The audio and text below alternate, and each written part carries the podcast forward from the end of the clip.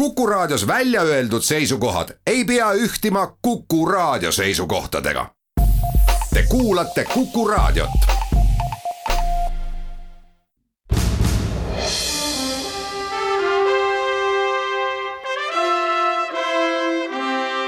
vahetund Postimehega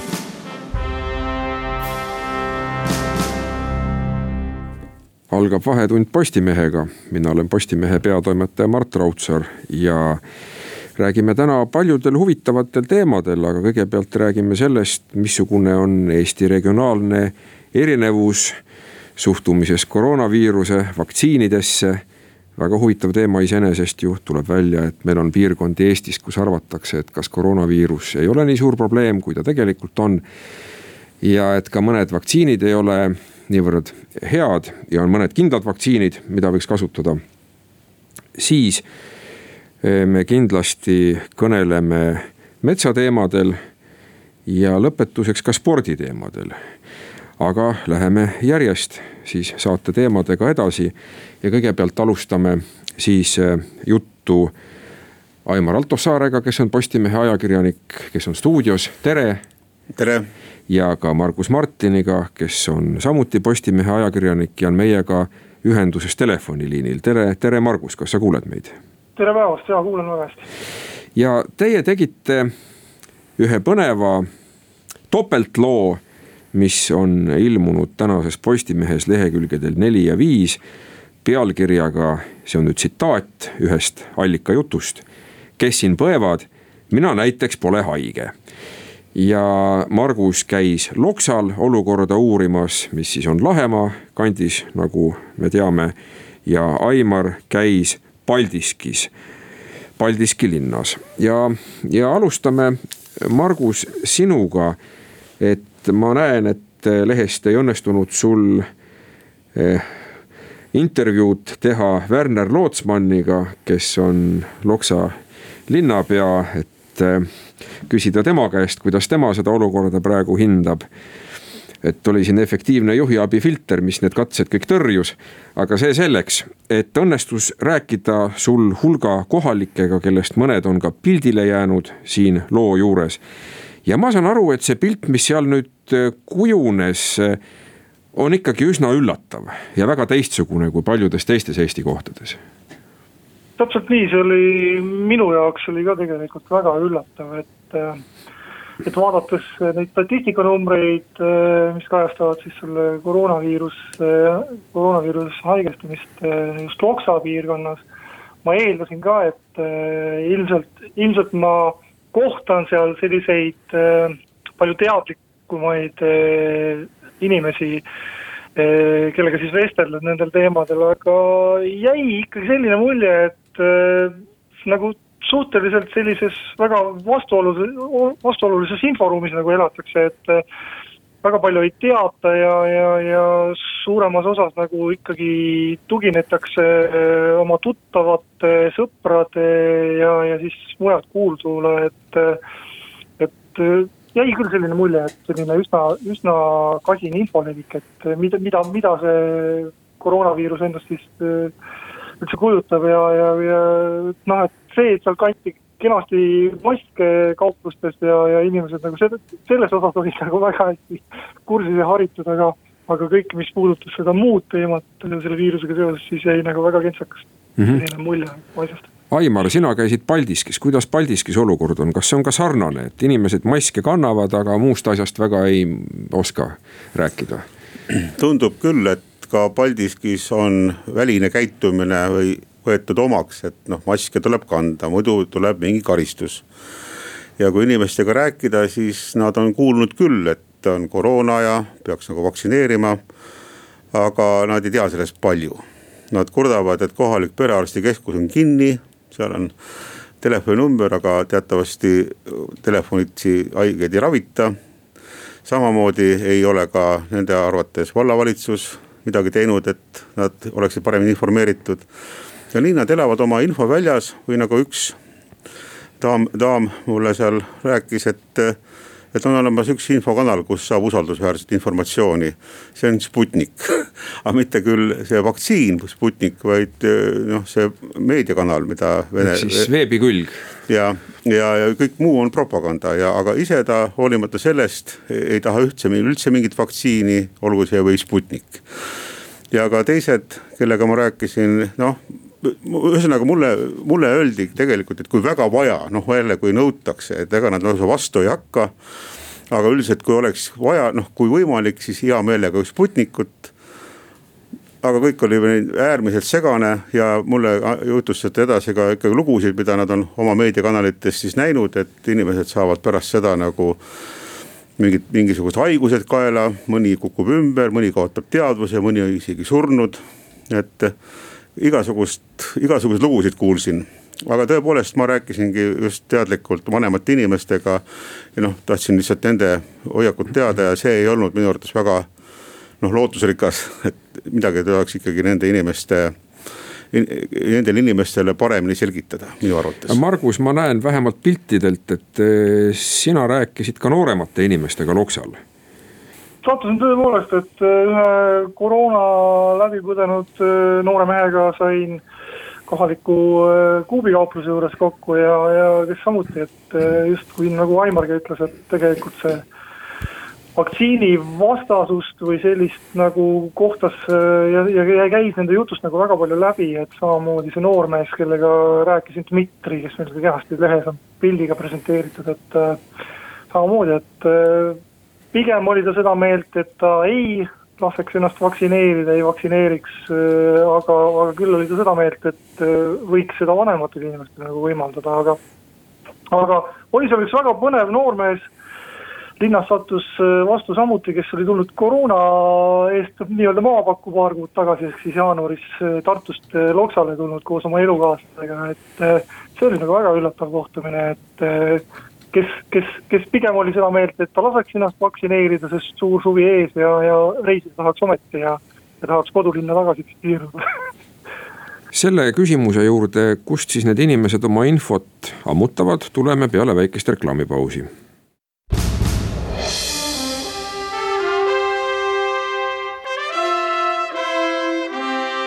vahetund Postimehega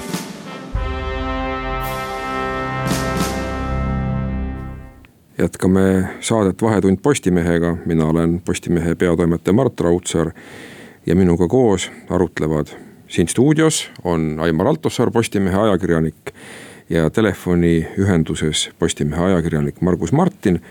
ja me kõneleme sellest, mida Margus ja Aimar nägid Loksal ja Paldiskis rääkides vaktsiinidest, rääkides koroonaviirusest, aga Aimar, ma saan aru, et sa ei käinud ka mitte ainult Paldiskis, vaid et sa käisid seal ka natuke laiemalt ringi piirkonnas.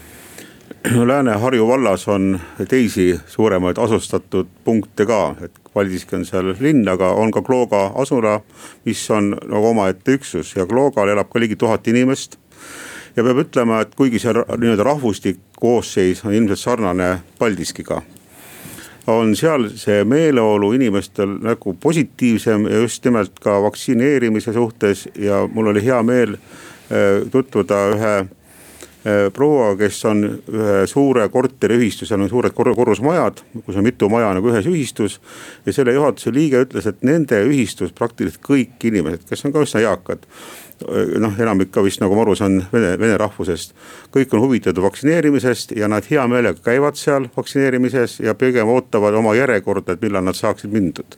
et see oli väga positiivne uudis ja kui ma rääkisin seal poemüüjaga, siis ma sain võib-olla ka ühe sellise noh, põhjuse teada, miks, miks seal äkki see positiivseks on muutunud. teatavasti Klooga asula on nagu tupiktee, see, sealt ei sõida autod läbi, kui sinna mõni auto sõidab, mingi võõras auto, siis kõik kuulevad ja näevad ja kui sinna hakkas sõitma äkki kiirabiautosid öösel ja tegelikult on see üsna kole pilt, kui tuleb kiirabiauto, keegi sinu kogukonnas viiakse ära ja mitte ühel päeval, vaid mitmel päeval. siis see on päris mõju argument, et tuleks võtta nii haigust kui ka vaktsineerimist tõsiselt et noh, see on nüüd üks seletus. aga teine seletus võib olla see, et noh, seal ka inimesed omavahel rohkem suhtlevad ja muljetavad. nii et mulle tundub, et see Klooga meeleolu noh, erineb nii Paldiskist kui ka nüüd Marguse kirjeldatud Loksa meeleolust aga rääkides nüüd inforuumist, kuskohast need inimesed oma infot ammutavad, siin Aimar mainis Sputnikut, mitte vaktsiini, vaid siis veebiportaali Sputnikut ühe vastaja näitel, aga Margus, mis mulje sulle jäi Loksalt, kust need inimesed oma infot saavad? no valdavalt inimesed ikka hangivad infot oma lähikondsete, tuttavate, sõprade, majanaabrite käest. Üks äh, vanem härrasmees äh, nimetas ka ajalehte Pealinn, siis venekeelset Stolitsat ja, ja, ja toodi esile ka venekeelset Postimeest, mis, mida oli nagu rõõm tõdeda et äh, need on nagu põhilised infokandjad, kuigi äh, ise eeldasin ja arvasin, et võib-olla ollakse siis äh, usinad selliste Vene telekanalite jälgijad, siis üllataval kombel sellist teleri vaatamist ja raadio kuulamist isegi väga palju ei märgitud, et enamasti ikkagi jäi, jäi see info hankimise viisid jäid ikkagi jah, sellised lähi, lähikondsete oma, oma pereringi sõprade ja siis nagu seal oli juttu ka, et hangitakse infot ka kojamehelt ja kepikõndijatelt rannal. -hmm. oli, oli väga seinast seina Aimar. no tegelikult on üks sihuke fenomen, et ega need vene inimesed, kes tegelikult igaõhtuselt jälgivad ikka vene meediat. Eh, ega nad ei taha sellest palju rääkida, nad teavad, et eestlased panevad seda noh, natuke nagu pahaks või arvavad, et selle tõttu nad on teises inforuumis ja mõtlevad teistmoodi. ega nad ei taha öelda, nad ütlevad, me loeme raamatuid. Nad ütlevad, et meil on mingi sõber või tuttav ja noh, nagu otsivad nagu teisi põhjuseid, kust nad seda informatsiooni saavad. aga, aga tegelikult nad vaatavad seda igapäevaselt ikkagi Vene meediat või nagu mul üks äh, vanahärra Paldiskis, kelle poeg ise töötab tegelikult Eestis väga sellises respektiivses kohas ja vaktsineerib ja suhtub väga, väga lugupidavalt Eestisse, nagu ta rääkis ja Eesti riiki ja.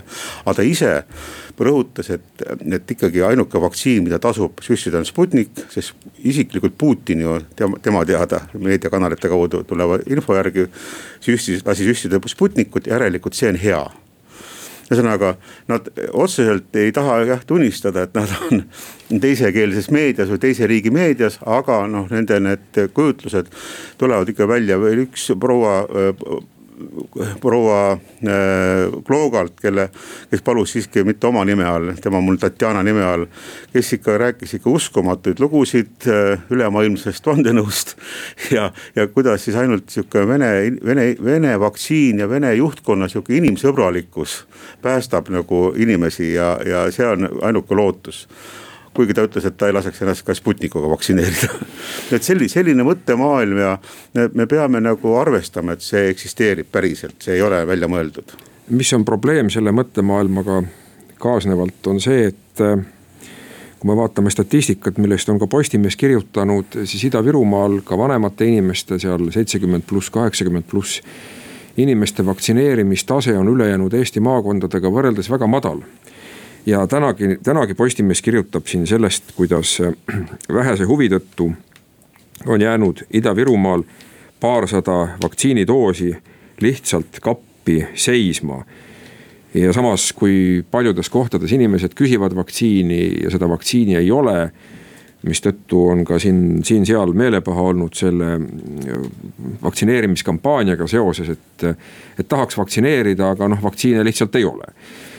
Aga ma saan aru, et Paldiskis oli, sa küll mainisid ka natuke seda, et niisugune eriline olukord lausa, et see pere, Aimar, et see perearstikeskus ei tegutse juba pikalt, mitu kuud, et aga kust need inimesed siis abi saavad, et. kus nad ennast üldse saaksid vaktsineerida, me ju teame, et seda korraldavad perearstid. no see mulle, see mulle ausalt öeldes mõistatuseks, ma arvan, et ma peaksin sellega edasi tegelema. sest et perearstikeskuse ukse peal olid kaks telefoninumbrit, eh, kuhu ma siis lõpuks eh, helistasin, kui ühele sain pihta seal eh, suheldi minuga ainult vene keeles eestikeelset suhtlemist ei olnud, nad ei saanud aru. no oleks natuke helistanud nagu Venemaale. aga ma sain siiski aru, et tegemist oli perearsti õega ja siis mulle anti üle ka telefon perearstile, kes oli ka ainult venekeelne. no okei okay,, ma vene keelet saan, vene keeles saan suheldud. ja aga ta ütles väga järsult, et meil on nii palju tööd ja me mingisugust informatsiooni välja ei anna. no kus see töö toimub, kui perearstikeskus on see mul, see jäi mul saladuseks sest et see maja on ise täiesti kinni ja külm, noh, see on omaette eraldi maja noh, mis on merearsti keskus ja see on kinni ja seal ukse peal on silt, et novembrist saadik novembrist saadik, kui ma ei eksi, jah, oli, et, et töötavad ainult nii-öelda telefoni teel. ja üks proua, kes mul tänaval, kelle, keda ma küsisin, ta imestas, et kuidas noh, kui mul on nagu haigus, et kas nad tõesti telefoni teel hakkavad minu haigusi ravima, et ta oli väga nõutu. et tema oleks tahtnud saada teada rohkem nii haigu-, selle koroona kohta kui ka vaktsiinide kohta, aga ta ei teadnud, kustkohast seda informatsiooni saaks. ta oli muuseas väga nõus, et noh, Eesti informatsiooni tuleb hankida, aga, aga ka kohapeal võiks olla. ja nii, nii siit tuleb ka minu küsimus ikkagi ka vallavalitsusele, et noh, kas nad selle peale mõtlevad, ma ei, sellele ei saanud eile ka vastust no aga nüüd on mu küsimus mul teile mõlemale lõpetuseks, et aga mis me siis kogu selle teadmisega nüüd peale hakkame, et. et kuidagi tuleks ju siis nende teises inforuumis olevate inimeste teadlikkust ju ka tõsta. kas siin võiks aidata kohalike avaliku elu tegelaste, venelaste avaliku elu tegelaste esiletoomine, noh Popov näiteks või siis, või siis, mis siin aitaks, Aimar, ma saan aru, et sa näitad Postimehest ühte kohta praegu mulle. mulle väga meeldis äh, Sergei Metlevi artikkel Arvamuskülgedel, kus ta tegelikult kirjutab venekeelse poliitiku vastutusest väga suur mõju on ikkagi kohalikele venelastele, nende noh tipp-poliitikute Yana Toomil Mihhail Kõlvartil. ja nemad ei kasuta seda võimalust, nad pigem nagu püüavad ka õigustada ja põhjendada ja otsida nagu venelaste nagu sellise ignorantsuses äh, no, muid põhjusi. aga, aga need inimesed vajavad ju ka informatsiooni, abi, et, et miks nad nagu alahindavad iseenda oma äh, valijaskonda, miks nad ei aita neid et see tegelikult on väga tõsine küsimus ka poliitikutele, kellel on kontakt Vene valijaskonnaga ja sealhulgas ka kohalike poliitikutega et mul on tunne, et seal on palju tegemata tööd ja, ja nii kohalikul tasandil kui ka riigi tasandil avaliku elu tegelaste poolt, kellel on venelastele eh, ligipääs ja keda usutakse nojah, mida Loksa linnapea Werner Rootsman arvab, seda me ju ei tea, aga Mart, Margus, mida sa arvad, Margus Martin, et mida, mida me saaksime teha või mida peaks tegema? Ma olen absoluutselt Aimariga päri, et tegelikult need kohalikud arvamusliidrid ja, ja kohalikud äh, poliitikategelased peaksid nagu rohkem ikkagi ennast niimoodi kuuldavaks ja nähtavaks tegema, et ikkagi jõuaks veel kohaliku inimeseni kogu see info, mis. mida, mida nad otsivad ja mida nad võib-olla vajavad siis, et äh, et võib-olla peabki hakkama sellest pihta, et Werner Lootsmann äkki ma ei tea, kas ta nüüd just peab kodulehel oma telefoninumbri avalikustama, aga vähemalt võiks see suhtlus käia ilma sellise filtrita. nii see on, nii see on, aga nüüd läheme väikesele pooltunni reklaamipausile, kuulame ka pooltunni uudiseid, aitäh, Margus Martin, Aimar Altussaar seda põnevat teemat meiega siin lahkamast ja, ja jagamast.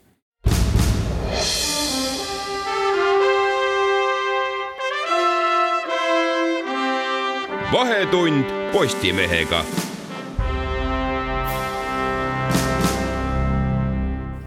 tere tagasi kuulama Vahetundi Postimehega, mina olen Postimehe peatoimetaja Mart Raudsaar ja nüüd äh, on meiega telefoni teel liitunud meie teadustoimetaja Kaur Maran, kas sa kuuled meid? no tervist. sinu sulest ilmus äh, tänases Postimehes teisel leheküljel suur lugu sellest, kuidas kaitsealade raiesurve on kasvanud ja et teema on oluline ja läheb paljudele korda, näitab ju sedagi, et me sel teemal tegime juhtkirja, kus meie siis Postimehe väga selge seisukoht on see, et me tahame, et röövmetsamajandusele pandaks piir, enne kui Eesti raiutakse sama lagedaks kui ülejäänud Euroopa. ja millest me räägime, millest sa kirjutad, on see, et meil on kaitsealad, kus peaks olema siis just nagu selline. siin on ka erinevat tüüpi kaitsealad, võib-olla sellest peaksime ka lühidalt rääkima, mis tüübid need on, aga. aga et eh, seal siis peaks olema selline põline elurikkus ja täna tegin ka tele Postimehe veebi tv-s intervjuu ökoloog Aveliina Helmiga kellega vestlusest jäi kõlama selline mõte, et eh, kui me metsa maha raiume ja istutame uue metsa, siis see ei ole enam täpselt see mets. mitte ainult sellepärast, et puud on teised, vaid sellepärast, et eh, mets ei koosne ainult puudest, vaid see on omaette ökosüsteem.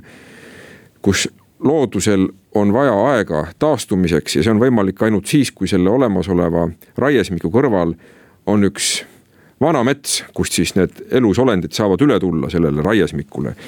aga, aga ütle kõigepealt, mis on siis need kaitsealad, millest me räägime? ei no see on äh, tegelikult see artikkel ise ju tugineb äh, Eestimaa Looduse Fondi täna avaldatud raportil äh, ja nii palju, kui mina aru sain, siis nende eesmärk oli ka vaadata, saada nagu selline üldisem suurem pilt. Et kui seni on olnud siin ja seal on nagu pandud suure kella külge, et ühel või teisel kaitsealal on on raietööd käinud ja siis on, on olnud kohtuvaidlusi ja nii edasi, et kas see on õigustatud või ei ole et nüüd nad tahtsid lihtsalt äh, minu arusaamise järgi saada, saada kokku sellise suure pildi, üldi, üldistava pildi, et kas on näha tendentsi või ei ole. ja noh, paraku tuleb välja, et, et siis on, aga seejuures on veel, on veel äh, omaette selline natukene ma ei tea, kurvem noot on see, et et nii kui nad minuga rääkisid, nad ütlesid, et tegelikult on see info on riigisüsteemis äh, noh, riigisüsteemis on see info olemas, kõik see info, mis nad, mis nad välja tul-, millega nad välja tulid, see on kõik riigisüsteemist tulnud info, see on kõik avalik info, aga, aga riigisüsteem ei ole siis nagu pidanud vajalikuks seda kuidagipidi eraldi välja tuua. Et noh, jutt on siin äh, üldiselt Natura kaks tuhat kaitsealadest, mis siis käivad loodusdirekt-, Euroopa Liidu loodusdirektiivi alla ja seal noh, konkreetsemalt metsaelupaikadest, kui sa nüüd küsisid, et, et noh, mil-, mi-, millistest konkreetsetest aladest me räägime. et seal konkreetses uuringus jäeti noh, ütleme rabad, väikesaared ja nii edasi, sellised elupaigad välja, et see ikkagi noh, keskendus sellele raiesurvele just siis. raiesurvele siis metsaelupaikades nojah, et nad ei ja vaadanud me... raiesurvet, nad ei vaadanud raiesurvet niitudel. kuidas me lahti seletaks raadiokuulajale seda metsaelupaiga mõistet? no need, see on äh, terve selline nimekiri üksteist erinevat äh, noh, metsa elupaiga tüüpi või niimoodi, mis on siis ühesõnaga noh, need on, neid on terve hunnik erinevaid, seal on vanad loodusmetsad ja lodumetsad ja nii edasi mm, -hmm. ta on siis üksteist erinevat, äh, mis on siis metsatüübid, mis on määratud kaitstavaks mm. -hmm. ja mille kohta ka tegelikult Keskkonnaagentuur äh, ise on hinnanud, et nad on peaaegu kõik äh, üsna täbaras seisus meil. ja kui ma vaatan siin too... ja kui ma vaatan siin sinu loo juures toodud graafikut, siis ma näen, et aastal kaks tuhat kuusteist on see kaitsealustes metsades toimuv raiemaht hüppeliselt kasvanud. ja ta on kasvanud noh, kõikides kategooriates sisuliselt mm. -hmm. aga mis selle põhjus on? no mis selle põhjus on, ma arvan, et lõpu, lõppkokkuvõttes iga see noh, ütleme eeskirja muudatus on ikkagi omaette otsus, et ma ei, ei usu, et siin on kellelgi oleks kuskil mingisugust suurejoonelist plaani kõiki, kõikide kaitsealade eeskirju nüüd süstemaatiliselt leevendada aga ju siis on lihtsalt see surve olnud, et seda on vaja teha. Ja no see, muidugi seejuures tuleb ka nagu meeles pidada, et see noh, mida nad on ise ka välja toonud oma uuringu selles, noh, neil on see osa, kus nad siis mainivad ära, et mis on siis uuringu kitsaskohad nii-öelda. Ja siis noh, kitsaskohtade seas üks on see, et nad hindavad kogu metsakadu, mille hulka kaob noh, lisaks raiele kuulub sinna hulka siis ka noh, igasugused looduslikud tormimurrud, äh, hooldustööd äh, ja nii edasi, et noh, sellised asjad ka, et, äh, et seal on see kitsaskoht, kitsas, kitsendus, aga samas nad ise hindavad seda, et see peaks ikkagi üle üheksakümne protsendi julgelt peaks olema metsaraie. aga noh, ju siis on ikkagi piisavalt palju olnud survet, et eri, erinevates individuaalsetes kohtades kaits-, erinevatel individuaalsetel kaitsealadel, et seda, et et on peetud vajalikuks millegipärast seda siis lõdvendada aga, aga ma ei usu, et siin oleks mingisugust noh, sellist üldist suurt suunitlust, pigem ma arvan, et see annab nagu või no sellist selget programmilist muutmist, pigem ma arvan, et see annab lihtsalt aimu sellest, et et mis see üldine meelsus või see vaimsus nende kaitsealade eeskirjade muutmisel viimasel ajal olnud on. Ja noh, peab tunnistama, et jah, iga, kui meil siin korduvalt, nagu meil siin ka juhtkirja kirjas oli, on ju, et kui meil räägitakse sellest, et või ütleme siis metsa, metsatöösturid, paljud ametnikud ikkagi nagu raiuvad seda, et meil on tohutu palju kaitseala ja igasugu, kaitsealasid ja igasugused äh, protestid ja tähelepanu juhtimised, need saavad tihtipeale just selle vastuse, aga meil on nii palju range kaitse all, mis te üldse nurisete, siis noh, paraku see, mida see range kaitse all tähendab või üldiselt kaitse all tähendab, ehm, noh, sellesse tuleb tegelikult süübida ja sellele tuleb ka tähelepanu osutada. et nagu ka Liis Kuresoo seal loos rääkis ja nagu on olnud, noh, tegelikult meediast on neid lugusid ju palju läbi käinud.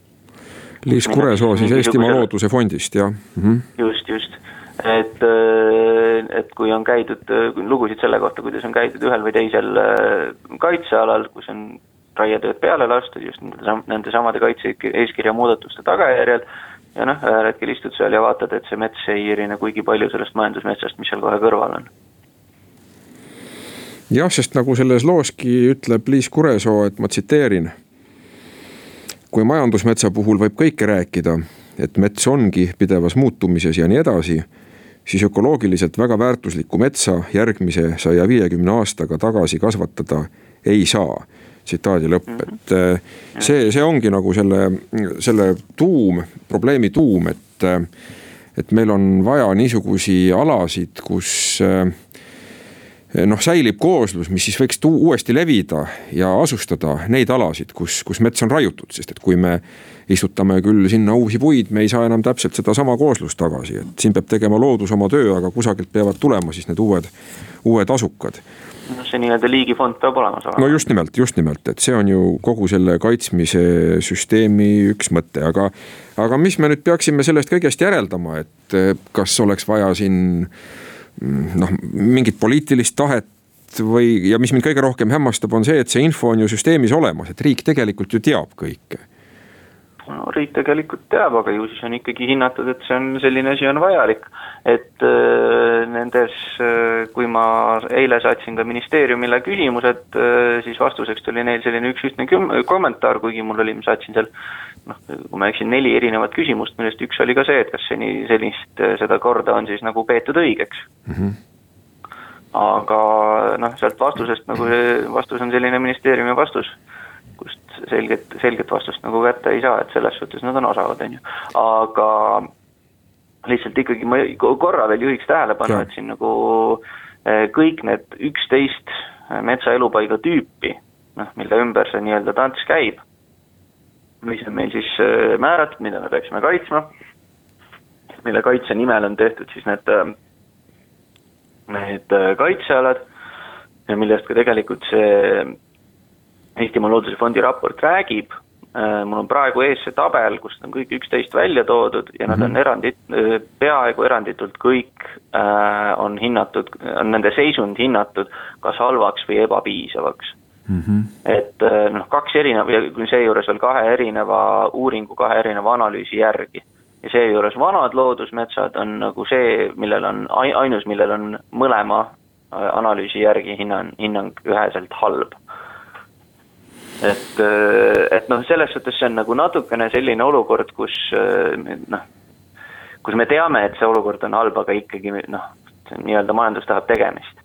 ja, ja see on tegelikult ju noh, üks osa ka sellest kõigest, mis noh, kui me räägime, et meil on globaalne elurikkuse kadu, siis äh, sellest hoolimata, et me räägime, sellest hoolimata käivad, samamoodi käivad raietööd, sellest hoolimata tehakse kõik, noh, kõik, kõike seda, millest selles ka tänane lugu räägib noh, paraku see on selline mingisugune inimkonna tegutsemise üks, üks muster, mis siin nagu lihtsalt välja tuleb. ja see on selle mustri üks osa võib-olla, mis selles, selles loos siis nüüd on. eks see on teema, mida me peame jätkuvalt vaatama ja sellel silma peal hoidma. aitäh, Kaur Maran, Postimehe teadustoimetaja, selle jutuajamise eest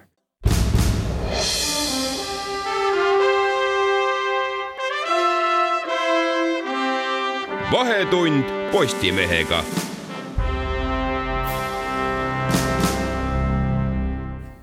algab Vahetunni Postimehega viimane veerandtund. mina olen Postimehe peatoimetaja Mart Raudsaar ja nüüd on siin Kuku raadio stuudios minuga ühinenud meie sporditoimetuse ajakirjanik Karl Mihkel Eller, tere. tere päevast.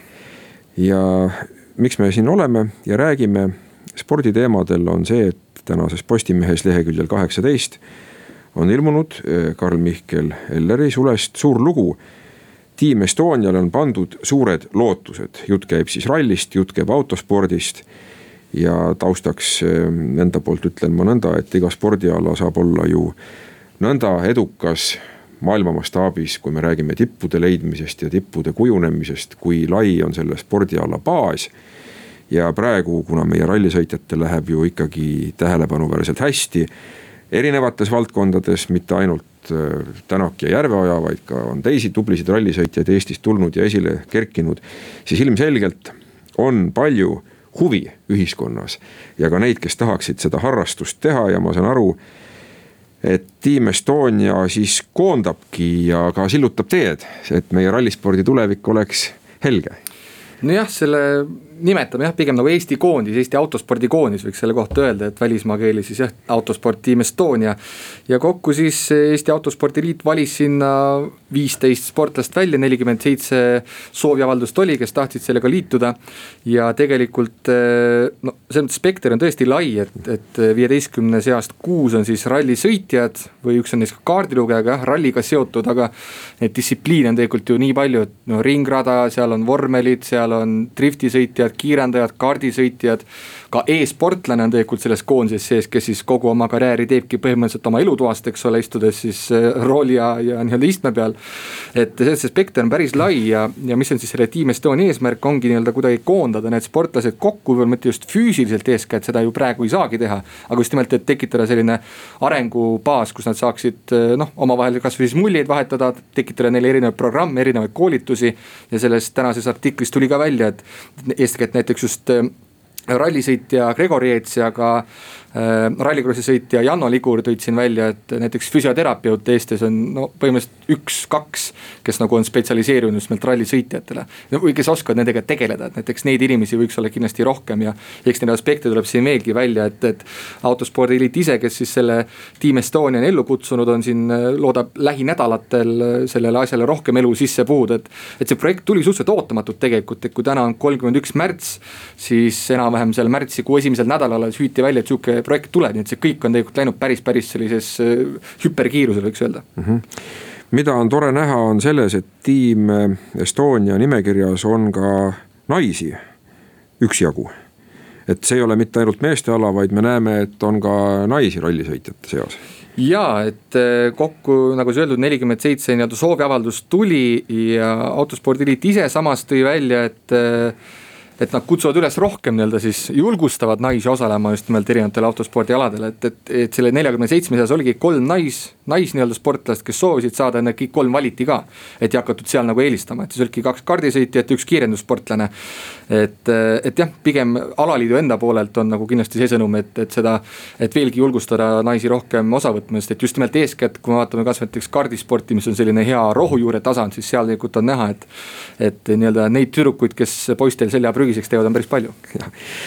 aga üks niisugune huvitav küsimus on ju ka see, et kuidas seda huvi tehnika vastu noorte seas eh, elavdada, kuna me ju teame seda, et regulatsioonid on läinud üha rangemaks ja kui ma tagasi mõtlen ajale, kui mina olin, ma ei tea, seal viisteist, kakskümmend oli täiesti tüüpiline see, et kusagil küla vahel sõideti ja prooviti tehnikat tänapäeval sa saad trahvi selle eest, kui sa nii-öelda isa käe all proovid autosõitu, et. et kas meil ei ole see regulatsioon natuke rangeks läinud, et ma saan aru, loomulikult autosid on rohkem, tehnika on võimsam, selle tõttu ka sellist noh, kuidas öelda, rullnoklust esineb rohkem, ma saan sellest kõigest aru.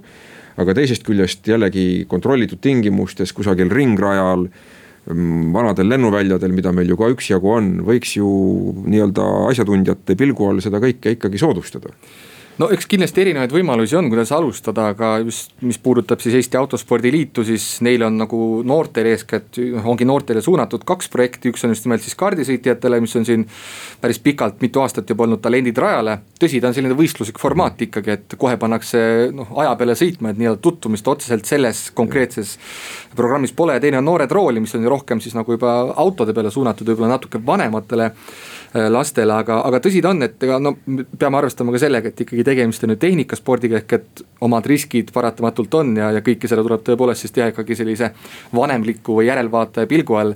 aga kindlasti erinevaid selliseid variante, ma usun, et on, kellel huvi on ja, ja selle asjaga algust teha kindlasti, kindlasti neid võimalusi on, et, et noh muidugi ajad on nüüd nagu me vahest ikka siin mõned, kes on minust kauem elanud, ütlevad, et kui vanad, vanasti oli muru rohelisem, kõik oli lihtsam teha, riik maksis kõik kinni, tõsi, seekord nii enam ei ole. aga ikkagi, kui sul on nii-öelda talendikust ja, ja tahtmist, siis kindlasti sellise aluspinna jaoks on ikkagi päris palju tööd tehtud, et, et sa saaksid nagu jala, ütleme varv ukse vahel ja siis pärast jalaga see uks lahti lüüa mm. -hmm. küsin ka niisugust asja, ei ole nüüd viimasel ajal jõudnud jälgida, kuidas meie tipprallisõitjatel Järveojal, Tänakul läheb, kus nad praegu on omadega? Punktitabelis no,. jah, praegu on nii, et kaks etappi on ralli MM-sarjas sõidetud ja Ott Tänak, Martin Järveoja on viiendal kohal. noh, võiks öelda mingis mõttes, et on selline noh, keskpärane heas mõttes, aga ikkagi, kui sa oled kaks tuhat üheksateist maailmameister, siis sa kindlasti tahaksid olla kõrgemal, aga, aga tal on ka ette näidata see, et jaanuaris toimunud Monte Carlo ralli katkestas. aga Soomes toimunud Arktika ralli võitis, ehk et praegu on nagu ühest mhm. kaalukategooriast nagu ühest otsast teise ja. ja ega tegelikult järgmise etapini täna meil kolmkümmend üks märts ja aprillikuu lõpus juba see toimub Horvaatias, asfaldiralli nii et kindlasti tasub pöidlad peos hoida, et sellel uuel rallil, mis on MM-kalendris, läheks meie meestel hästi. aga ilmselt on palju määramatust nii rallisõprade kui rallisõitjate jaoks, kuna me ju ei tea, palju neist ette nähtud etappidest reaalselt siis aset leiavad ka sellel aastal. ja just nimelt, et siin kas või selle täna ilmunud loo valguses mõne rallisõitjaga rääkides, siis oligi see, et, et hooaja alguses olid mingisugused plaanid välja hüütud. aga tegelikult praegu on see seis, et kui me vaatame siin, kuhu tahetakse minna sõitma, Portugal, Itaalia, mis on sellised rallisõitjatele võib-olla tuntumad kohad, kus tahetakse minna maailma vallutama, et siis nad ikkagi ootavad sellise viimase hetkeni ära, kui on kindel, et see ralli toimub, avalda-, hakkab nii-öelda registreerimine, siis mm -hmm. hakatakse otsima võimalusi, kuidas sinna Euroopa teise otsa minna, aga, aga kindlasti on hea, tõesti hea meel see, et. et nii rallisõitjad kui ka teisi distsipliinide esindajad meil on ka peale Ott Tänaku ja Martin Järveoja, et, et järelkasvu tegelikult on. nii et kui me kokkuvõtteks küsime, kas on järelkasvu, vaatame seda Team Autospordi, Team Estonia eh, nimekirja siis me näeme, et et erinevates valdkondades rallispordis meie järelkasv on täitsa arvestatav ja kindlasti on ja, ja selles mõttes kindlasti pead norgu ei saa lasta, alati saab veel paremini, seda ei saa kunagi jätta märkimata, aga ütleme, õige algatus on tehtud, suund on autospordiliidul ja. Nendel, kes sinna nimekirja kuuluvad ja kõigil nendel, kes ka ei kuulu, kindlasti suund on õige. selles suunas tuleb edasi minna ja, ja jääme ootama siis uusi kordaminekuid meie autosportlastelt. teeme seda ja soovime loomulikult neile jõudu ja eriti Järveojale Tänakule selles maailmameistri uues rallis sellel aastal, aga aitäh, Karl-Mihkel Eller, Postimehe spordiajakirjanik selle vestluse eest, mina olin Postimehe peatoimetaja Mart Raudsaar ja kuulake meid taas. vahetund Postimehega eetris järgmisel nädalal, samal ajal, kõike head.